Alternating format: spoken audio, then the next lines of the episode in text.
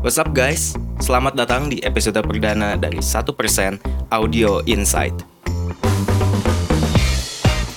1% Audio Insight adalah konten podcast dari 1% di mana kami membawakan pengalaman dan pemahaman terkait hal-hal esensial dan hidup dengan style yang ramah, asik, relatable, dan pastinya nggak bullshit. Nah, buat episode pertama ini, kita akan ngobrolin tentang bagaimana caranya ngadepin stres di dalam kehidupan kalian nih. Bersama dengan host podcast 1% Kayla dan Muti. Tanpa banyak cincong lagi, enjoy! Jadi hari ini kita bakal bahas apa sih? Hari ini kita bakal bahas tentang stres, Kai. Waduh, stres tuh kayaknya lekat banget gak sih di kepala para mahasiswa-mahasiswa yang pastinya nih bulan-bulan segini tuh lagi banyak-banyaknya tugas. Bener, apalagi sekarang kan udah mau TS Aduh, ya. Stres banget. tuh udah kayak makanan sehari-hari gitu gak sih? Iya, bener banget. Jadi, eh, Muti boleh nanya gak sih, eh, apa kata yang terpikirkan di otak lo saat lo mendengar kata stres? Stres, bentar. Hmm, stres tuh kalau gue denger stres ya, gue pasti langsung inget tugas yang sebejibun itu. Langsung keinget Langsung dari kamar kayak, kosan sama di grup lain ini lagi banyak yang ngomongin tugas kali ya? Bener, kayak langsung, Waduh. aduh ada tugas A, ada tugas B, wih gila. Iya iya iya benar. Kalau gua eh, stres akan gua kaitkan sama kerjaan di kepanitiaan dan di organisasi. Hmm, Intinya pokoknya kerjaan-kerjaan yang numpuk dan bikin kita tertekan ya nggak sih? mm-mm. berarti tertekan ya kalau Iya. misalnya lagi stres tuh. Betul. Kayak kalau menurut lo, kalau misalnya orang lain nih ya denger tentang stres, kira-kira apa sih yang mereka pikirin?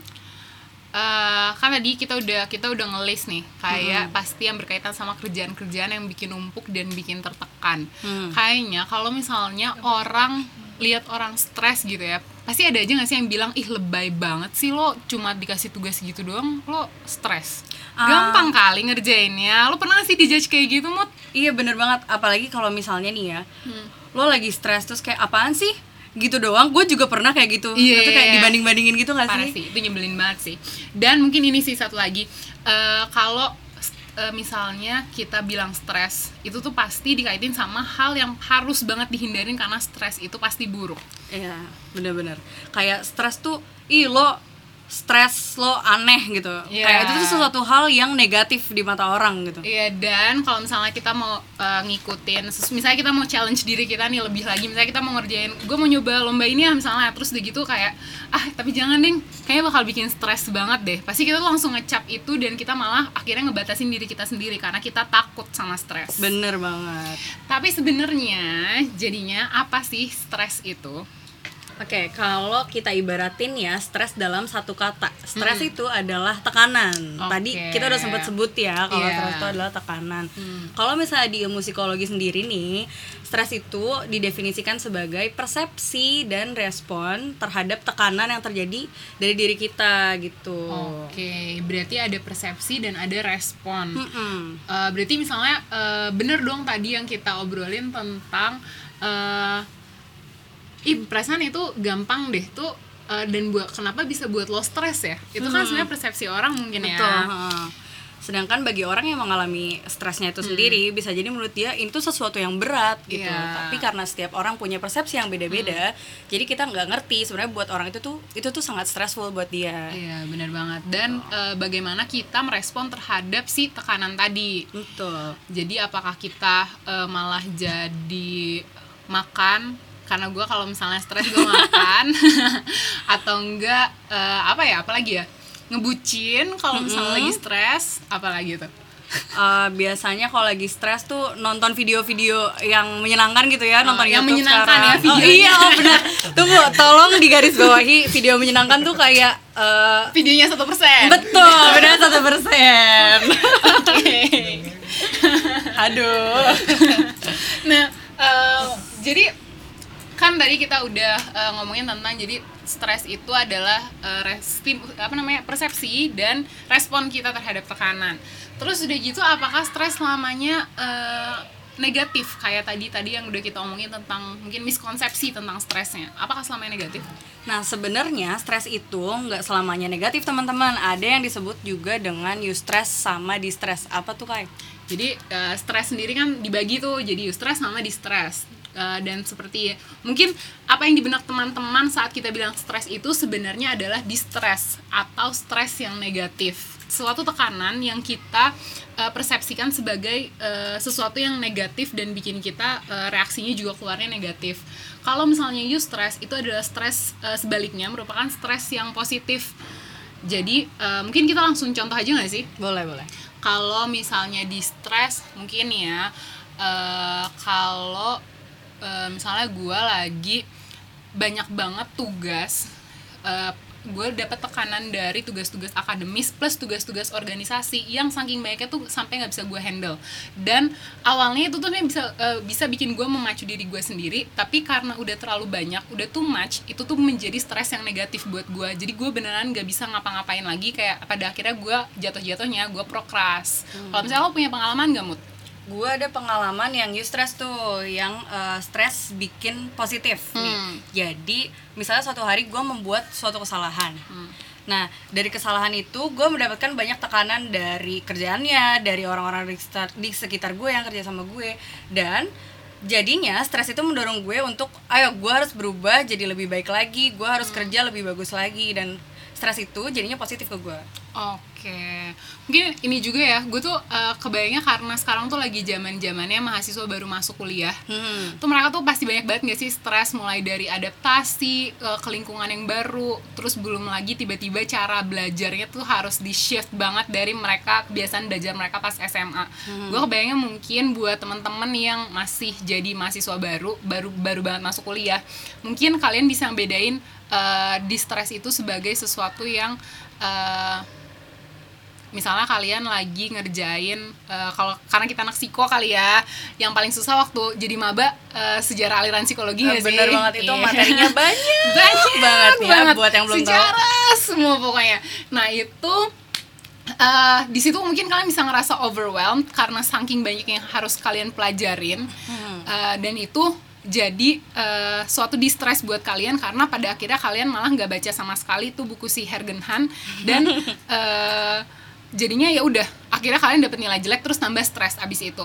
Tapi eh, kalau uh, yang gue lihat nih dari dosen-dosen psiko mereka tuh pintar. Mereka sekarang bikin uh, sistem bintang-bintangan. Jadi kalau misalnya uh, lo jawab suatu pertanyaan suatu pertanyaan sebenarnya pertanyaan itu memaksa lo untuk membaca bab selanjutnya untuk di semester uh, pertemuan selanjutnya. Hmm. dan itu tuh uh, pas pertemuan selanjutnya lo ditanya dan lo bisa jawab lo tuh bisa dapet bintang untuk nambahin nilai lo Oh. Nah, itu menurut gue suatu you stress karena uh, lo dikasih tekanan yang uh, pada akhirnya tuh lo bisa nambah nilai dengan cara tanda kutip lebih gampang daripada lo baca buku sebanyak apa pun pas mepet-mepet UTS dan UAS. Oh alah, jujur gue baru tahu ya ada kayak gitu.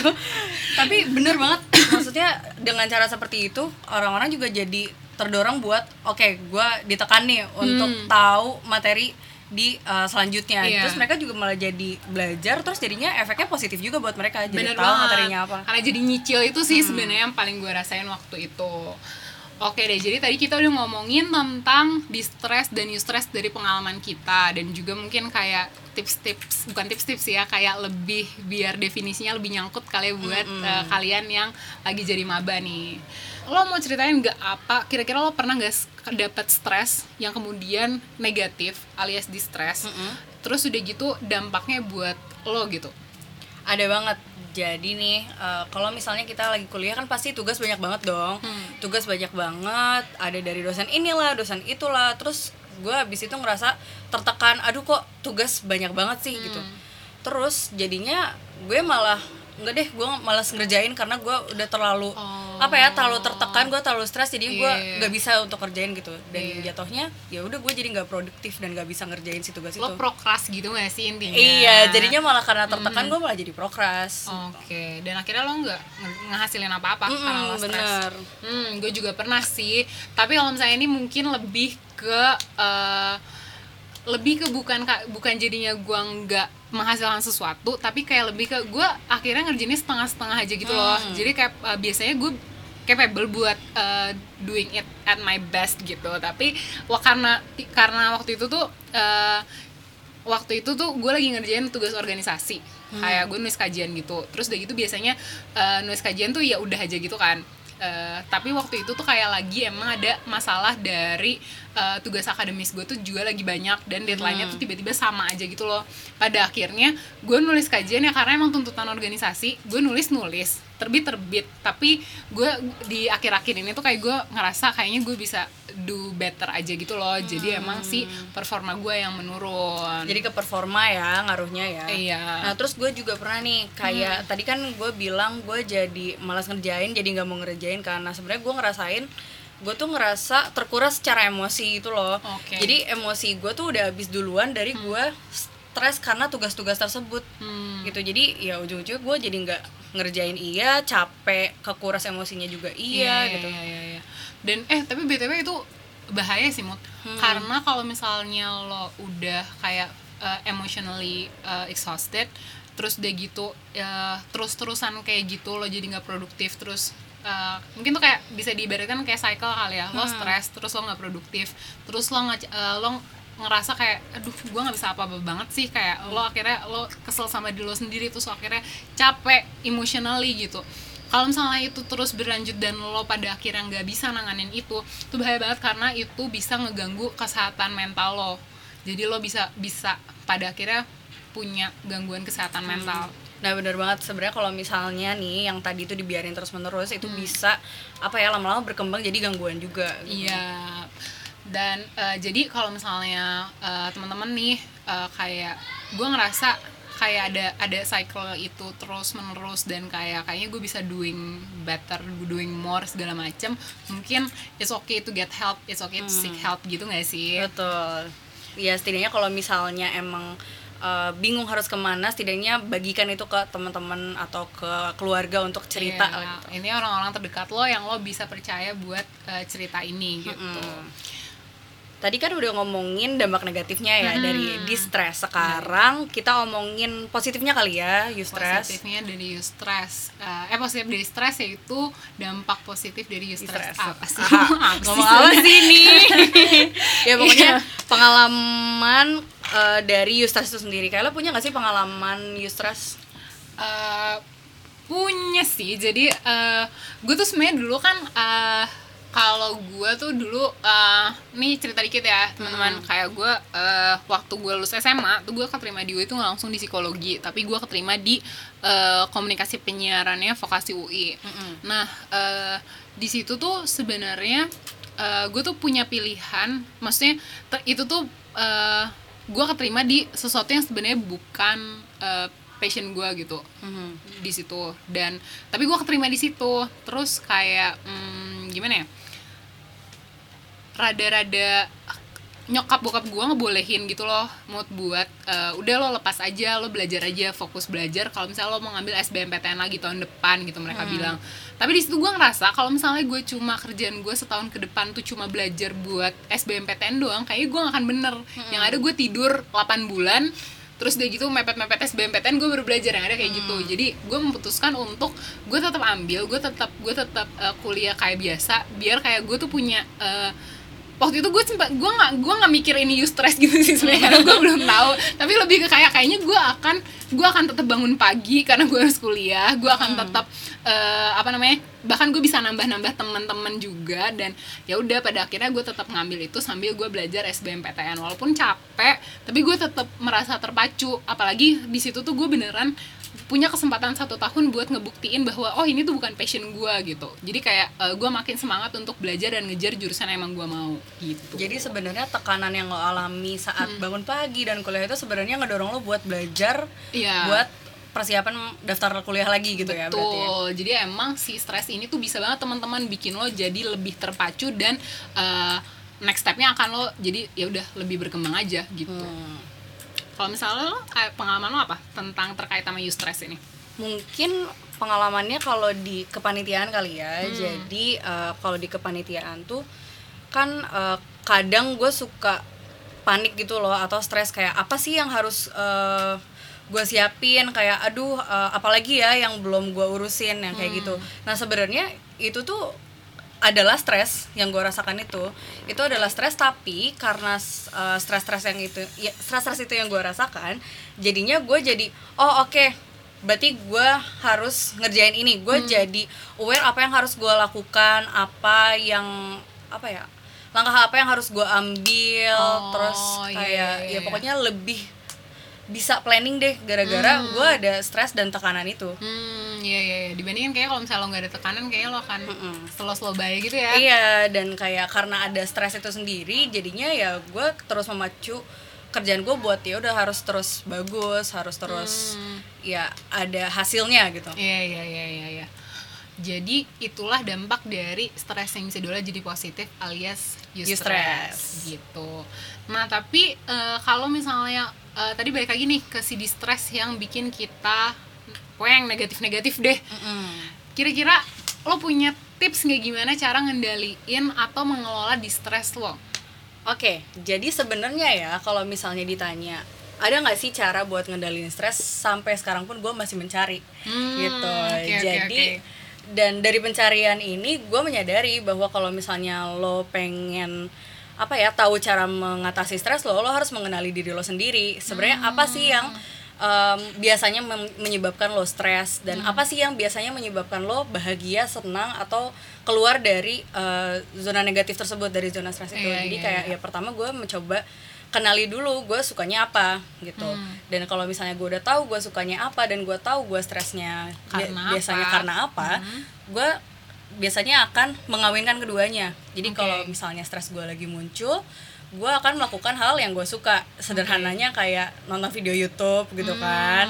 Atau Hmm, oke. nyanyi-nyanyi sendiri di kamar. Ya itu kan setidaknya membuat gue agak mengurangi tekanan negatif yang ada di diri gue Hmm. sementara kayak gitu Oke, berarti eh, mungkin kalau istilah psikologinya lo lebih ke emotional based coping gak sih? Karena lo Hmm. akan ngeluarin itu tapi bukan ke kerjaan lo. Mm. Mungkin sedikit nih teman-teman tentang coping stress. Jadi itu adalah salah itu adalah salah satu terminologi dalam eh, ilmu psikologi di mana coping stress itu adalah kayak semacam eh, teknik untuk kayak gimana ya kayak ngurangin me- mengurai tekanan-tekanan yang lo rasain. Mm. Dan eh, coping ini kebagi jadi dua, yaitu ada yang namanya emotional uh, focus coping sama ada problem focus coping. Yang Oke. tadi aku sebutin itu lebih ke emotional focus coping karena uh, aku mencoba ngurangin uh, tekanan-tekanan yang aku rasain gitu. Tapi kalau misalnya dari problem focus coping Mm-mm. di sini uh, orang-orang yang memiliki coping ini akan lebih memilih untuk nyelesain tugas-tugasnya dulu gitu Oke. untuk nyelesain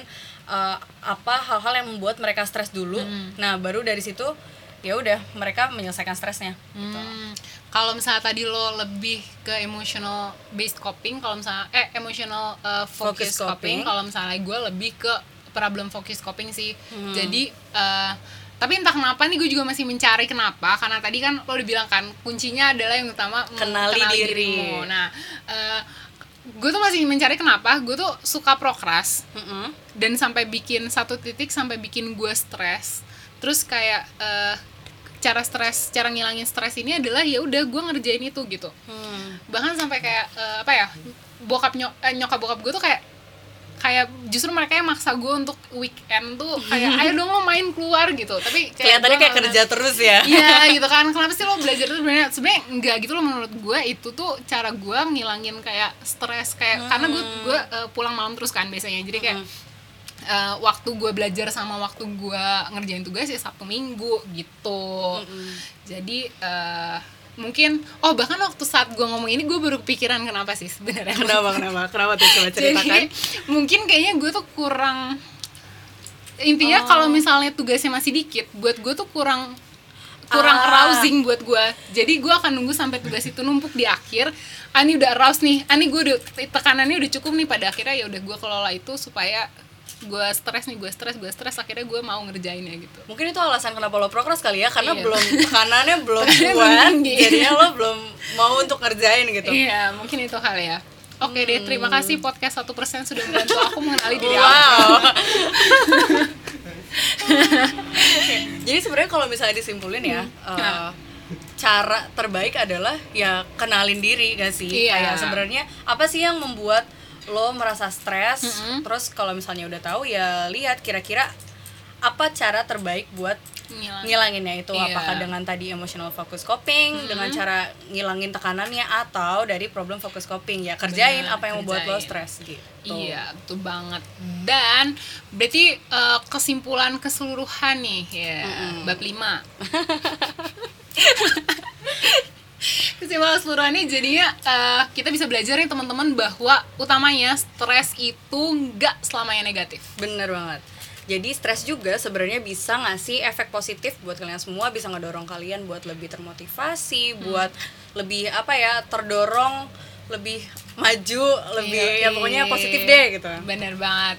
Dan sekali lagi stres itu wajar terjadi. Tadi balik lagi ya pengertian stres itu ada ada persepsinya nih. Jadi kayak kalau misalnya lo ngerasa stres, it's okay. Dan kalau misalnya orang lain ngerasa stres, jangan ketawain dia karena ya beda-beda nggak sih tiap orang. setiap orang tuh ngadepin tekanan tuh pasti beda-beda ada yang ngerasa Bener itu berat banget. ada yang ngerasa itu ringan jadi kalau ada temen lo yang stres ya udah rangkul aja hibur aja temani dia selama dia merasa stres gitu Mm, dan mungkin lo juga bisa eh, lo juga bisa bantu dia untuk cari cara dia biar nggak eh, stres alias eh, menemukan si cara coping stres ya dia. benar siapa tahu jadi nemu juga cara buat diri sendiri kayak tadi Iya, barusan betul nyatanya. sekali.